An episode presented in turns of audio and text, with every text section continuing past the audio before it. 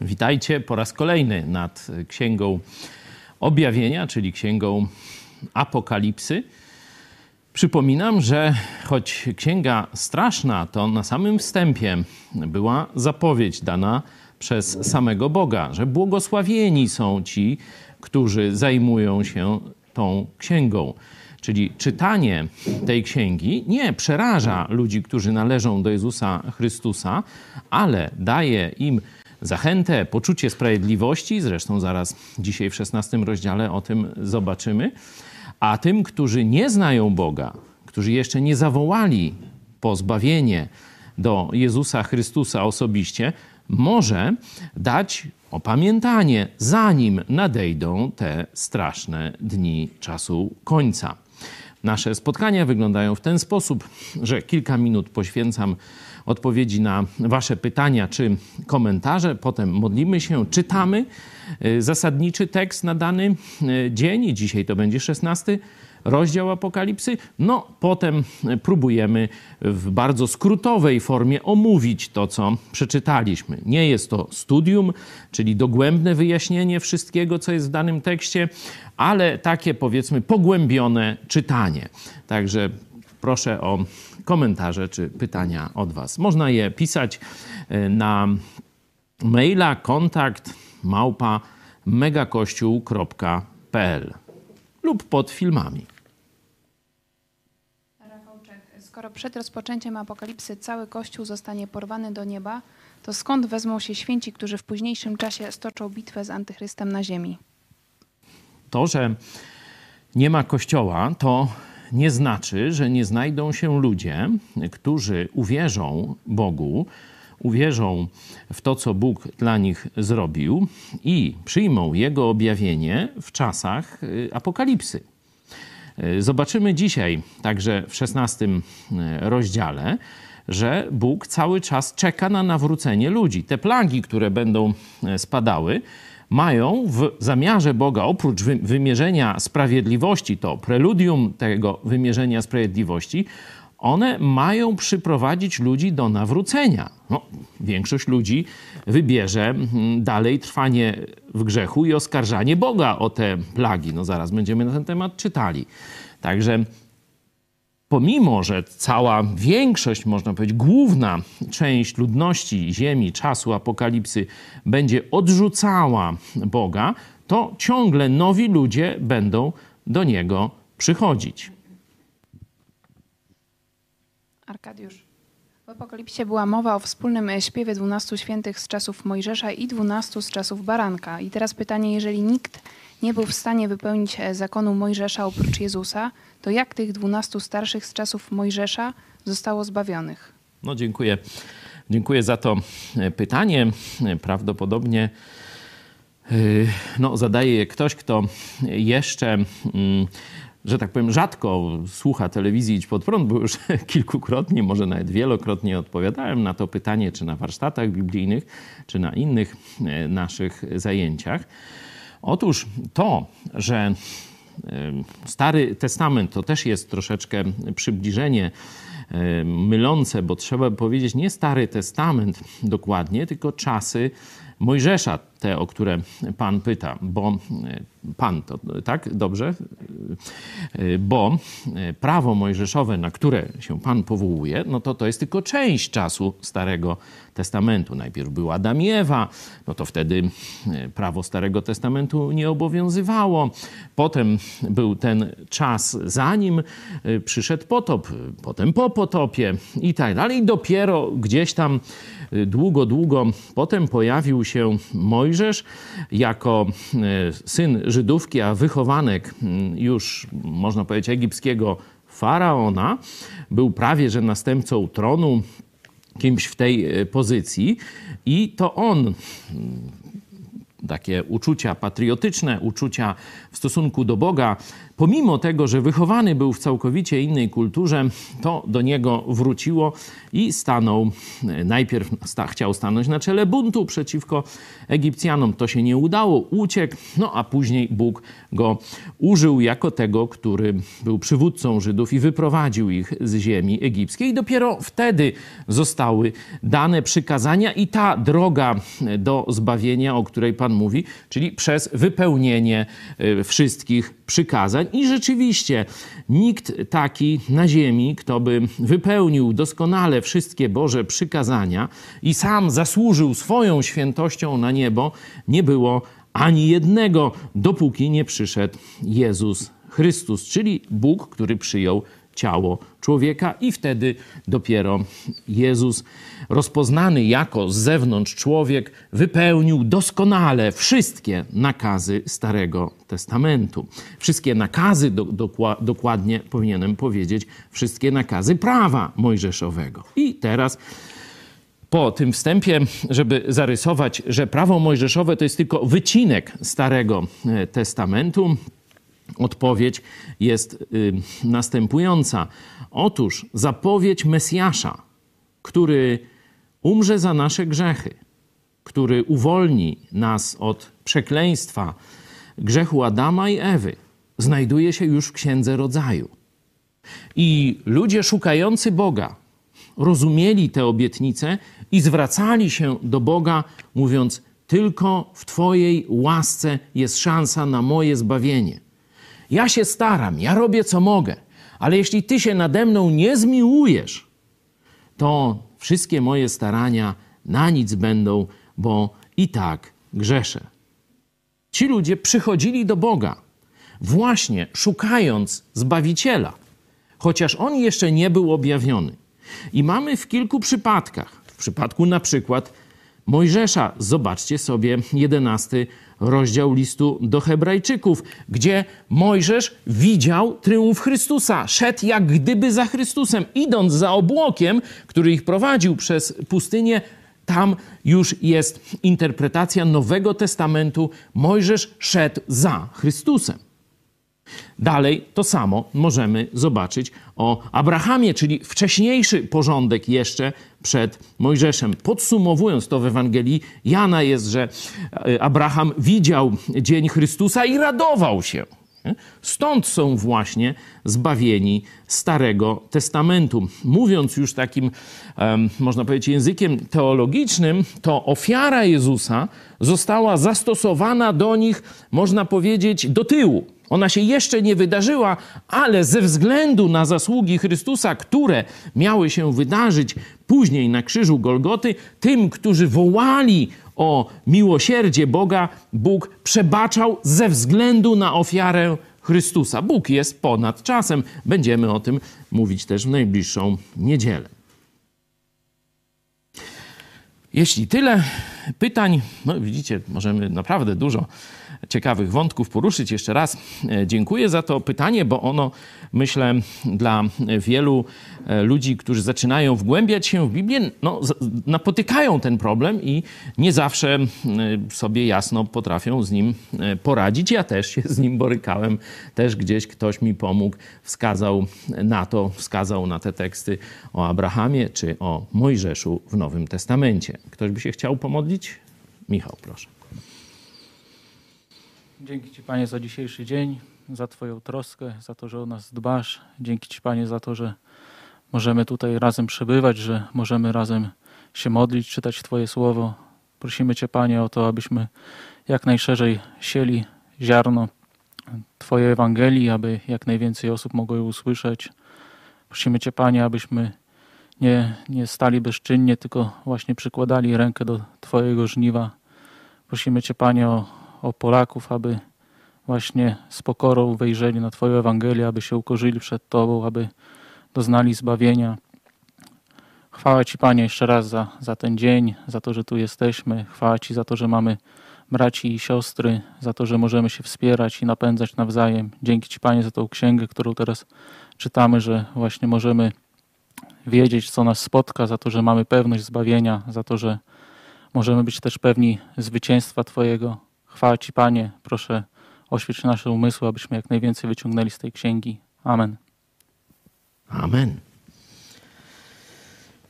Dzięki. No to szesnasty rozdział przed nami.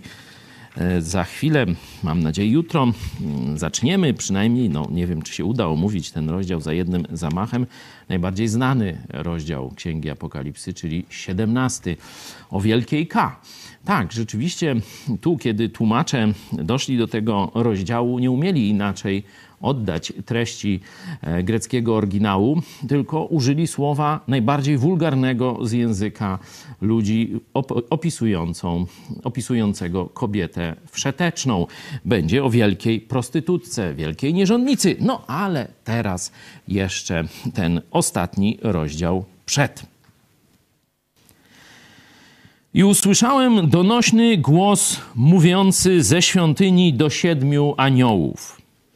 Idźcie i wylejcie siedem czasz gniewu Bożego na ziemię. I wyszedł pierwszy i wylał czaszę swoją na ziemię. I pojawiły się złośliwe i odrażające wrzody na ludziach, mających znamię zwierzęcia i do oddających pokłon jego posągowi.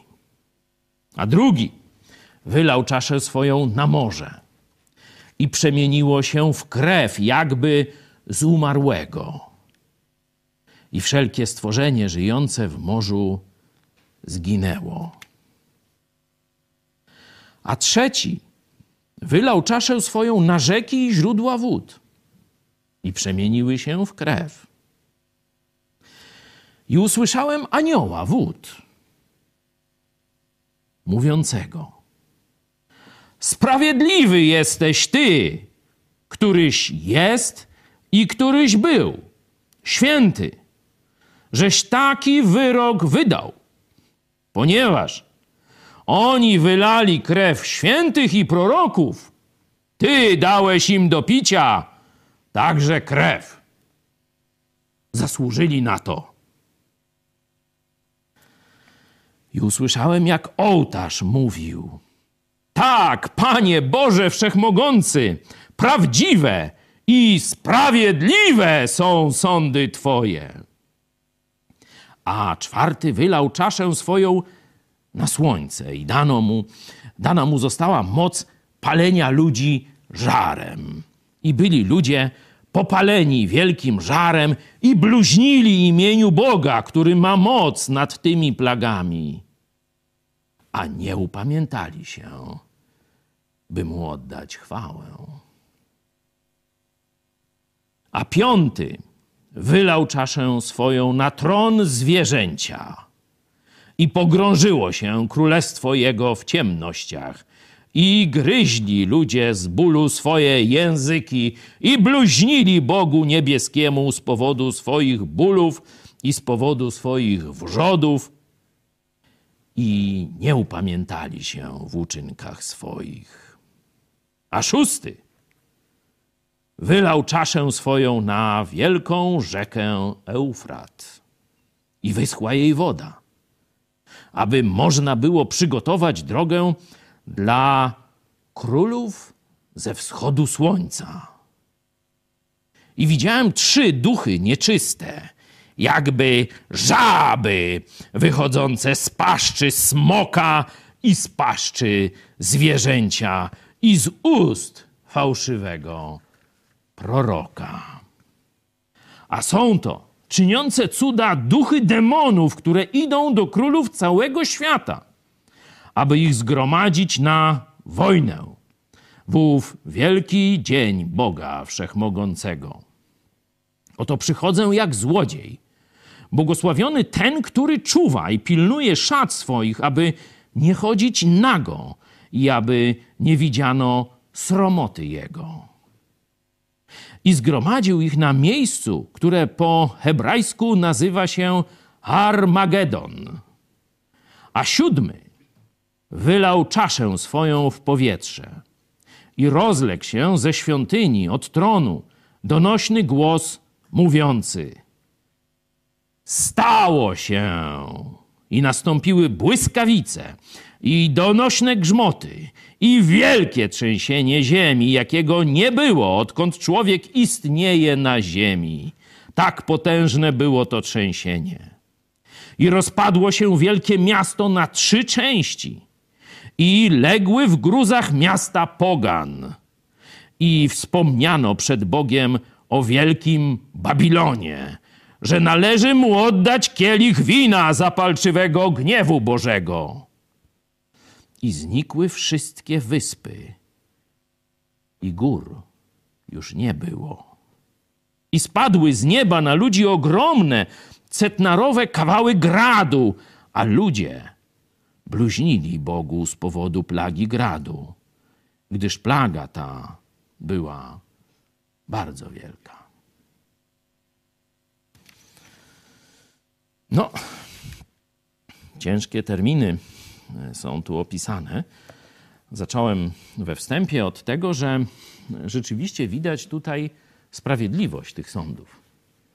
Zobaczcie, że kilkukrotnie powtórzone jest to, że ludzie zasłużyli na to. Nawet pewna, można powiedzieć, symbolika jest tu użyta. Pamiętacie to przemienienie w krew? Zobaczcie, sam anioł z nieba tłumaczy symbolikę tego. Zobaczmy werset piąty. Sprawiedliwy jesteś ty, któryś jest i któryś był. Święty, żeś taki wyrok wydał, ponieważ oni wylali krew świętych i proroków, ty dałeś im do picia także krew. Zasłużyli na to. I potem jeszcze raz jest głos od ołtarza. Tak, Panie Boże, Wszechmogący, prawdziwe i sprawiedliwe są Twoje sądy. Czyli zobaczcie, że tu całe niebo woła, że to, co się dzieje, jest sprawiedliwe. Nie jest okrutne, nie jest, jakby tam powiedzieć, straszne, nie jest niesprawiedliwe, jakby ktoś powiedział. To jest sprawiedliwe, co Bóg robi tutaj ze światem, z ludźmi, którzy odrzucili Jego łaskę. Ale nie tylko to.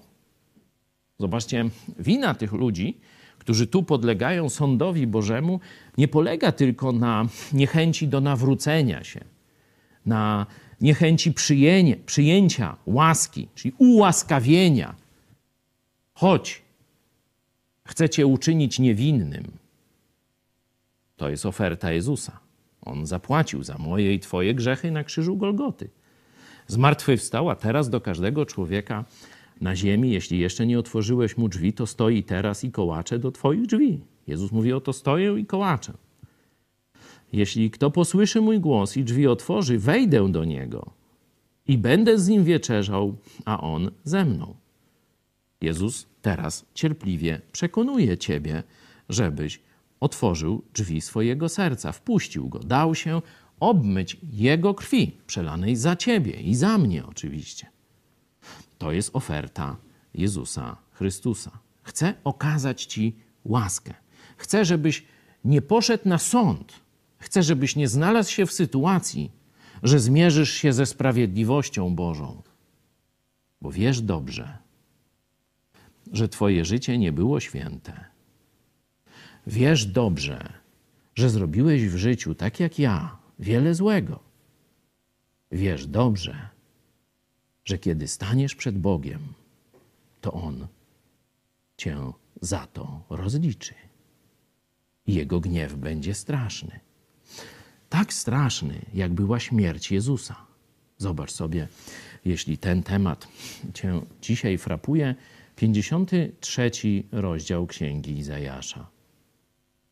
Tam opisane jest właśnie z tej perspektywy cierpienie Chrystusa. Bóg Ojciec zmiażdżył dosłownie swego syna, ponieważ mój i Twój grzech taką nienawiść do zła, taką karę, sprawiedliwość Boża, taką karę właśnie wymierzoną zamiast mnie, zamiast Ciebie, Jezusowi Chrystusowi. To pokazuje, można powiedzieć, wielkość gniewu Bożego z powodu mojego i Twojego grzechu.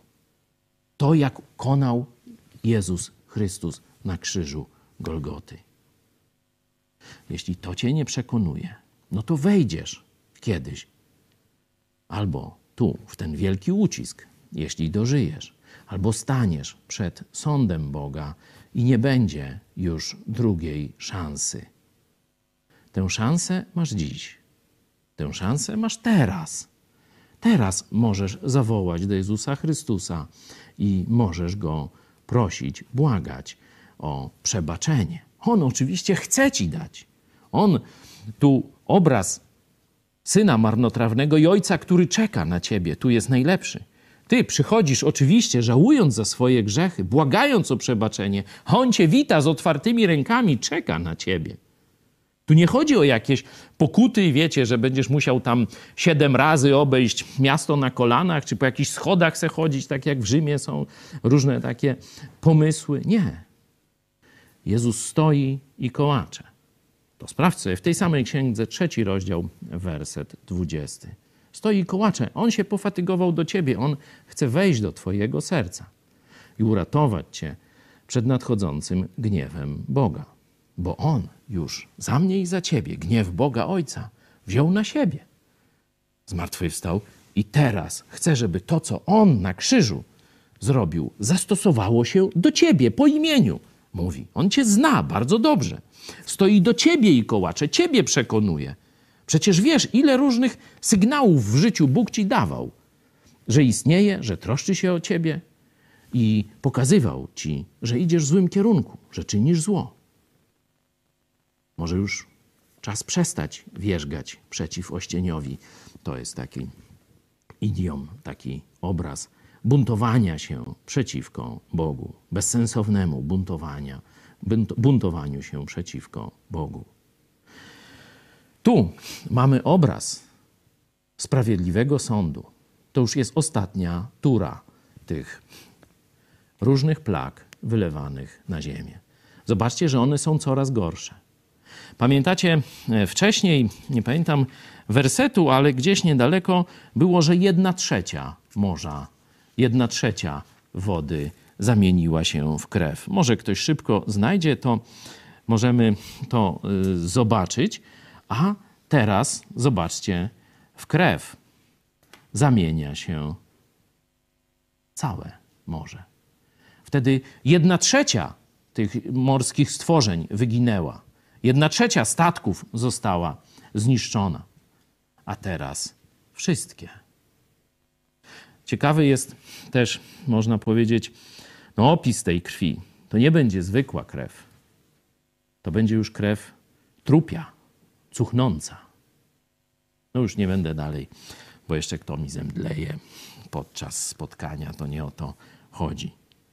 I nie będzie można napić się niczego innego, tylko trupiej krwi. I niebo mówi: To sprawiedliwy sąd nad tymi, którzy zabili świętych i proroków. Teraz niech oni piją krew, którą przelali.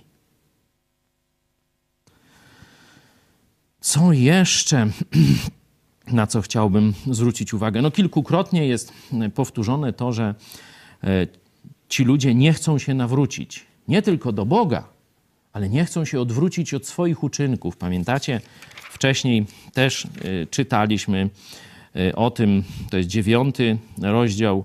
Pozostali ludzie, którzy nie zginęli od tych plag, plag, to jest dwudziesty werset, nie odwrócili się od uczynków swoich rąk, nie przestając oddawać czci demonom oraz bałwanom złotym i srebrnym i spiżowym i kamiennym, i drewnianym, to ci biedniejsi, e, które nie mogą ani widzieć, ani słyszeć, ani chodzić. No tutaj Izajasz i inni prorocy przypominają się, jak wyśmiewają właśnie kult e, przeróżnych ikon, obrazów, rzeźb i tak dalej. I nie odwrócili się od swoich zabójstw, ani od swoich czarów, ani od wszeteczeństwa swego, ani od kradzieży swoich. Zobaczcie, nie chcieli nie tylko ugiąć kolana przed Bogiem, ale nie chcieli także zrezygnować ze swego grzesznego stylu życia. To kilkukrotnie jest tu e, powtórzone. Zobaczcie, też jest opis mm, tych ludzi, którzy, na których te plagi najgorsze już tutaj e, spadają w drugim wersecie. Na ludziach mających po pierwsze znamię zwierzęcia, to mówiliśmy o tym e, wcześniej, i oddających pokłon jego posągowi, czyli posągowi antychrysta. Zobaczcie, że tu przyjęcie znamienia zwierzęcia jest jasno znowu powiązane, powiązane z kultem antychrysta, a nie z szczepionką czy zastrzykiem pośladek lewy lub prawy. Warto wziąć sobie to pod uwagę i nie słuchać kucypałów, różnych panikarzy czy, czy jakichś może i gorszych ludzi, którzy takie e, brewerie coraz to w internecie ogłaszają. E, jest jeszcze ciekawa rzecz, mianowicie geografia tu się e, pojawia pod koniec. Widać, że to już jest jakiś tuż przed e, zakończeniem czasu apokalipsy. Pamiętacie, że w 15 rozdziale, kiedy ta zapowiedź tych plag się pojawiała, mamy 15.1 e, aniołów z siedmioma ostatnimi plagami, gdyż na nich zakończył się gniew Boży. I tu następują jakieś jeszcze takie straszne, kulminacyjne wydarzenia. Potem mamy 17 i 18 rozdział, bo tu, zobaczcie, niebo dopomina się od, o sąd nad światową religią. Zobaczcie, gdzie to jest. Hmm. 19 werset. I wspomniano, nie, nie, dokładnie nie wiadomo kto, no ale gdzieś w niebie wspomniano przed Bogiem o wielkim Babilonie, że należy mu dać kielich wina zapalczywego gniewu Bożego. Czyli oddać mu sprawiedliwość, bo tu już wcześniej ten idiom omawialiśmy. Że czas na sprawiedliwy sąd nad jedną światową religią i jednym światowym rządem. I 17-18 rozdział to jest opis tego sądu. No a potem to już blisko do wesela w niebie. No, ale poczekajmy, dosłownie i w przenośni. Y, ta geografia się tu pojawia. Miejsce Armagedon, czyli góra Megido. Czy możemy, o tu mamy to miasto Megido i zobaczcie, tu łańcuchy górskie z jednej strony, z drugiej i tu piękniuśka dolina się pojawia. Piękniuśka dolina. Możecie sobie bardziej szczegółowo, to jest północny Izrael, tam wiele bitew, też w, w księdze sędziów na przykład, tam się też rozgrywa w tym miejscu, także to taka, można powiedzieć, brama od północy, idąc, czy od północnego wschodu, brama do Izraela. To jest właśnie ta dolina, tam rzeczywiście no, wygląda to imponująco, taki naprawdę równiuśki płaskowyż, nie? czyli bardzo łatwy do transportu i wokół pojawiają się te różne góry. Ja akurat oglądałem to miejsce z wzgórz wokół Nazaretu, bo ta dolina także rozciąga się, dochodzi, można powiedzieć, pod e, skały Nazaretu. Właśnie z tych skał chciano też e, w czasach Jezusa go strącić, żeby już nie mieszał na ziemi. No tak nie udało się. Czyli mamy konkretne miejsce, no i mamy e, królów wschodu słońca. To jest ciekawe, nie? że nawet nie jest mowa o królach ze wschodu, nie? no bo e, Eufrat, który tu wysechł jako jedna e, z tych działalności, e, jedna z tych plag, wysuszenie, no pra prawdopodobnie inne rzeki też w okolicy wyschną, czyli plaga jakiejś wielkiej suszy, także nawet Eufrat wyschnie. Pamiętacie, wcześniej już tam też w tym miejscu było 200 tysięcy, armia 200 tysięczna, o czymśmy e, czytali w tym dziewiątym rozdziale, 16 werset, ta liczba wojsk konnych wynosiła 2 miriady miriad, czyli to jest 200 200 milionów, przepraszam, nie 200 tysięcy, 200 milionów. Tam nie było do końca pewne, czy to są jakieś demoniczne siły, czy jacyś popaprańcy, opętańcy, czyli połączenie ludzi i demonów jakieś. Nie, nie, nie było to jasne. Tu już mamy królowie ziemi. To jest jasne, nie? I ciekawe, że będą to królowie z krainy wschodzącego słońca. Czyli najdalej, jeśli w Azji pójdziemy na wschód, no to mają to być przybysze z najdalszego krańca Azji. No może nie z Japonii, ale może też. Ale z Chin to pasuje. No, to już tak. No jest, no z kraju wschodzącego słońca, czy z ziemi e, królów, e, aby ich zgromadzić, z królów wschodzącego słońca, aby ich zgromadzić na tą wielką bitwę. Zobaczcie, że tu e, wyjdą demony, tu trzynasty werset, z, z, tu, z rządu światowego i z, można powiedzieć, z religii światowej wyjdą tu z piekła rodem jakieś, tutaj jest taka odrażająca żaby, jakieś ropuchy czy coś takiego, nie? No, brzydki, brzydki obraz, nawet jeszcze gorszy od węża chyba, taki, takie tu jest zamierzenie. Duchy nieczyste będą czynić cuda, zobaczcie, przed królami ziemi będą czynić cuda na całym świecie. Wielu dzisiaj mm, chce powiedzieć, że mm, to, w którą stronę mamy iść, albo czego Bóg chce, to wyznaczają jakieś cuda. I tu wiecie, katolicy wskazują cuda maryjne, e, z kolei jacyś zielonoświątkowcy czy, e, czy e, wyznawcy teologii sukcesu, czy czegoś tam jeszcze, jakieś cuda ichniejsze i mówią, że to, że to jest dobra droga, którą oni wskazują, to wynika z tego, że cud jakiś nastąpił. No zobaczcie, że tu jest przykład, że cuda nie wyznaczają prawdy Bożej. Tu wręcz cuda, co oznaczają? No nieprawdę Bożą. Nie? To tak warto sobie to mm, uwzględnić tak w swoich różnych poszukiwaniach prawdy. Stąd biblijni chrześcijanie doszli do takiego, można powiedzieć, prostego sposobu skonfrontowania, co jest prawdą o Bogu, a co jest fałszem demonicznym czy głupotą ludzką. To się nazywa sola scriptura, tylko Pismo Święte. Nie cuda, nie wianki, nie objawienia. Sola scriptura. Tylko Słowo Boże jest pochodnią dla mych stóp. To ono wskazuje mi kierunek. To Bóg objawionym, zrozumiałym, możliwym do odczytania i zrozumienia Słowem Bożym kieruje naszymi krokami. On wskazuje, co jest Jego wolą. To jest jasno, w sposób uniwersalny, czyli dla wszystkich chrześcijan, objawione w Jego słowie. Nie chcę powiedzieć, że Bóg nie dokonuje cudów.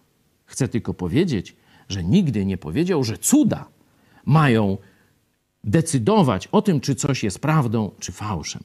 To Słowo Boże, raz na zawsze objawione, doskonałe, skończone, ono decyduje o tym, czy to, z czym mamy do czynienia, jest dobre czy złe, czy to jest droga prawdziwa, czy droga fałszywa. To w oparciu o Biblię rozstrzygamy te dylematy, a nie latamy za cudem tam, za cudem tam, za objawieniem tam.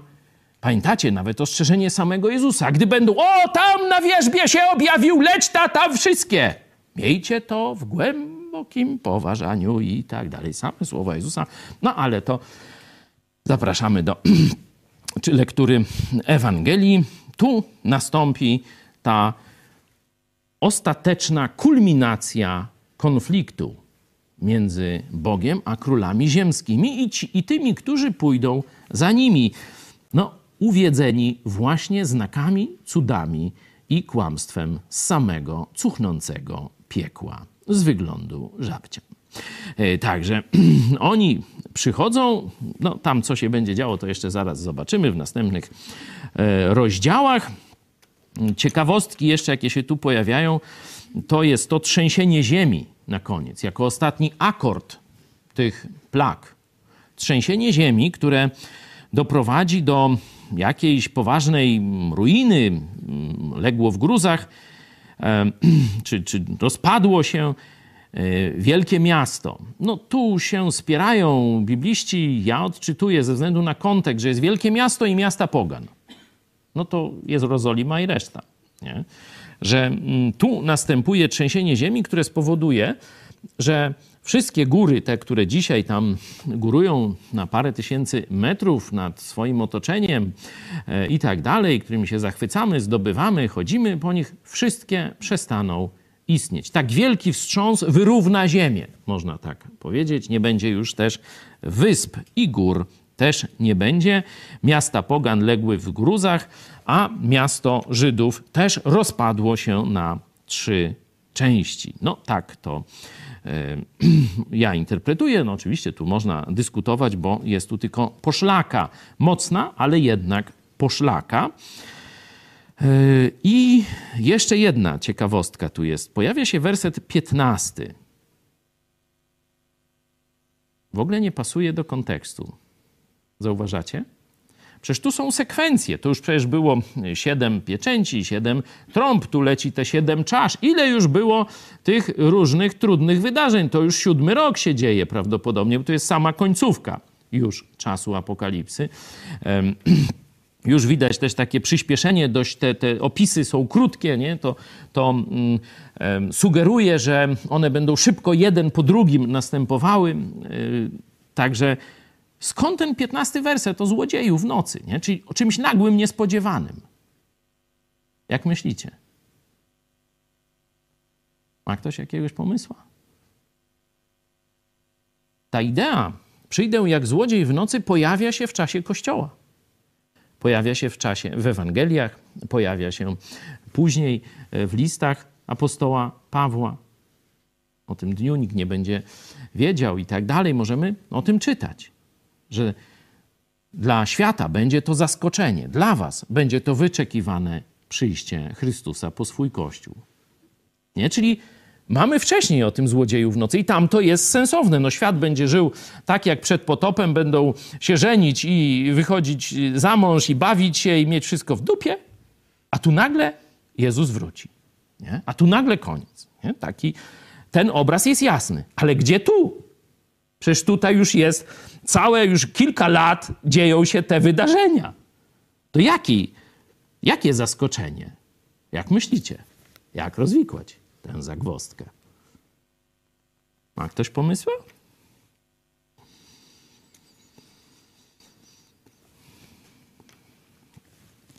Tu pewną pomocą może być to wskazanie. Wiem, że są takie teksty paralelne, zawsze warto, zależy jaką masz Biblię. Ja mam akurat tak zwaną Biblię brytyjską, pewnie w innych też są. Jest odwołanie do trzeciego rozdziału, do wersetu 18. Ja dzisiaj też cytowałem sąsiedni werset 20. Tam jest list do jednego z kościołów. Nie? Taki kościół ten, tego czasu tuż przed apokalipsą nie? tego kościoła, który lekceważy Jezusa, który jest skoncentrowany na sobie, który prawdopodobnie nawet jest niewierzący, tylko gdzieś ze słyszenia o Jezusie wie, a nie przyjął Jezusa do swojego serca. To mówiliśmy już na wstępie, nie będę powtarzał. Tam właśnie do takiego świata, E, tego przedapokaliptycznego, zeświadczonego świata, który tylko używa, może powiedzieć, Biblii gdzieś tam, tak jak mm, raz w roku, wiecie, przy Wigilii, nie? Coś takiego. Jezus mówi te słowa, oto stoję drzwi i kołaczę, jeśli ktoś, ktoś usłyszy głos mój i otworzy drzwi, wstąpię do niego i będę z nim wieczerzał, a on ze mną. Nie?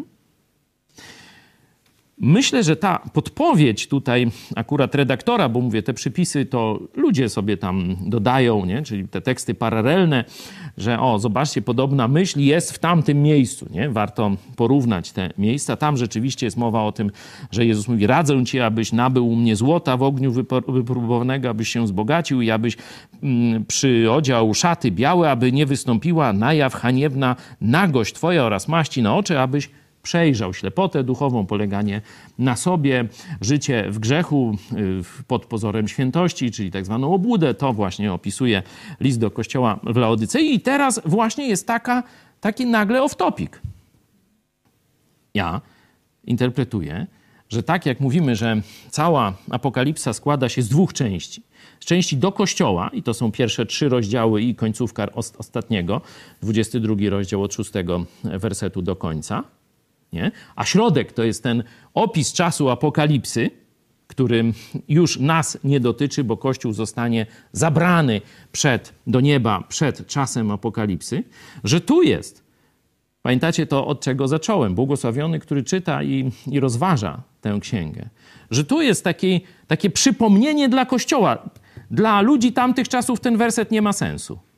Bo oni, tu, tu nie ma nic jak złodziej. Tu już, bo jak złodziej, czyli nagle niespodziewanie. Tam już wszystko jest spodziewanie. Ale dla nas, dla ludzi czasu Kościoła, bo przecież Księga Apokalipsy Bóg wiedział, że będzie studiowana przez ponad 2000 lat, czy przynajmniej około 2000 lat, o tak powiem. To precyzyjnie, bo ona gdzieś tam pod koniec pierwszego wieku y, powstała, czyli jeszcze nie minęło te 2000 lat studiowania tej księgi, że tu jest właśnie taki, takie przypomnienie. Zobaczcie, to wszystko się wydarzy, ale wy jeszcze jesteście w czasie Kościoła. To nawróć się dziś. Tak rozumiem to wtrącenie wersetu 15 w tej narracji czasu końca. Ja tyle. Czy w międzyczasie jakieś pytania się może komuś pojawiły? Czy ktoś jeszcze chciałby na coś zwrócić uwagę w tym szesnastym rozdziale?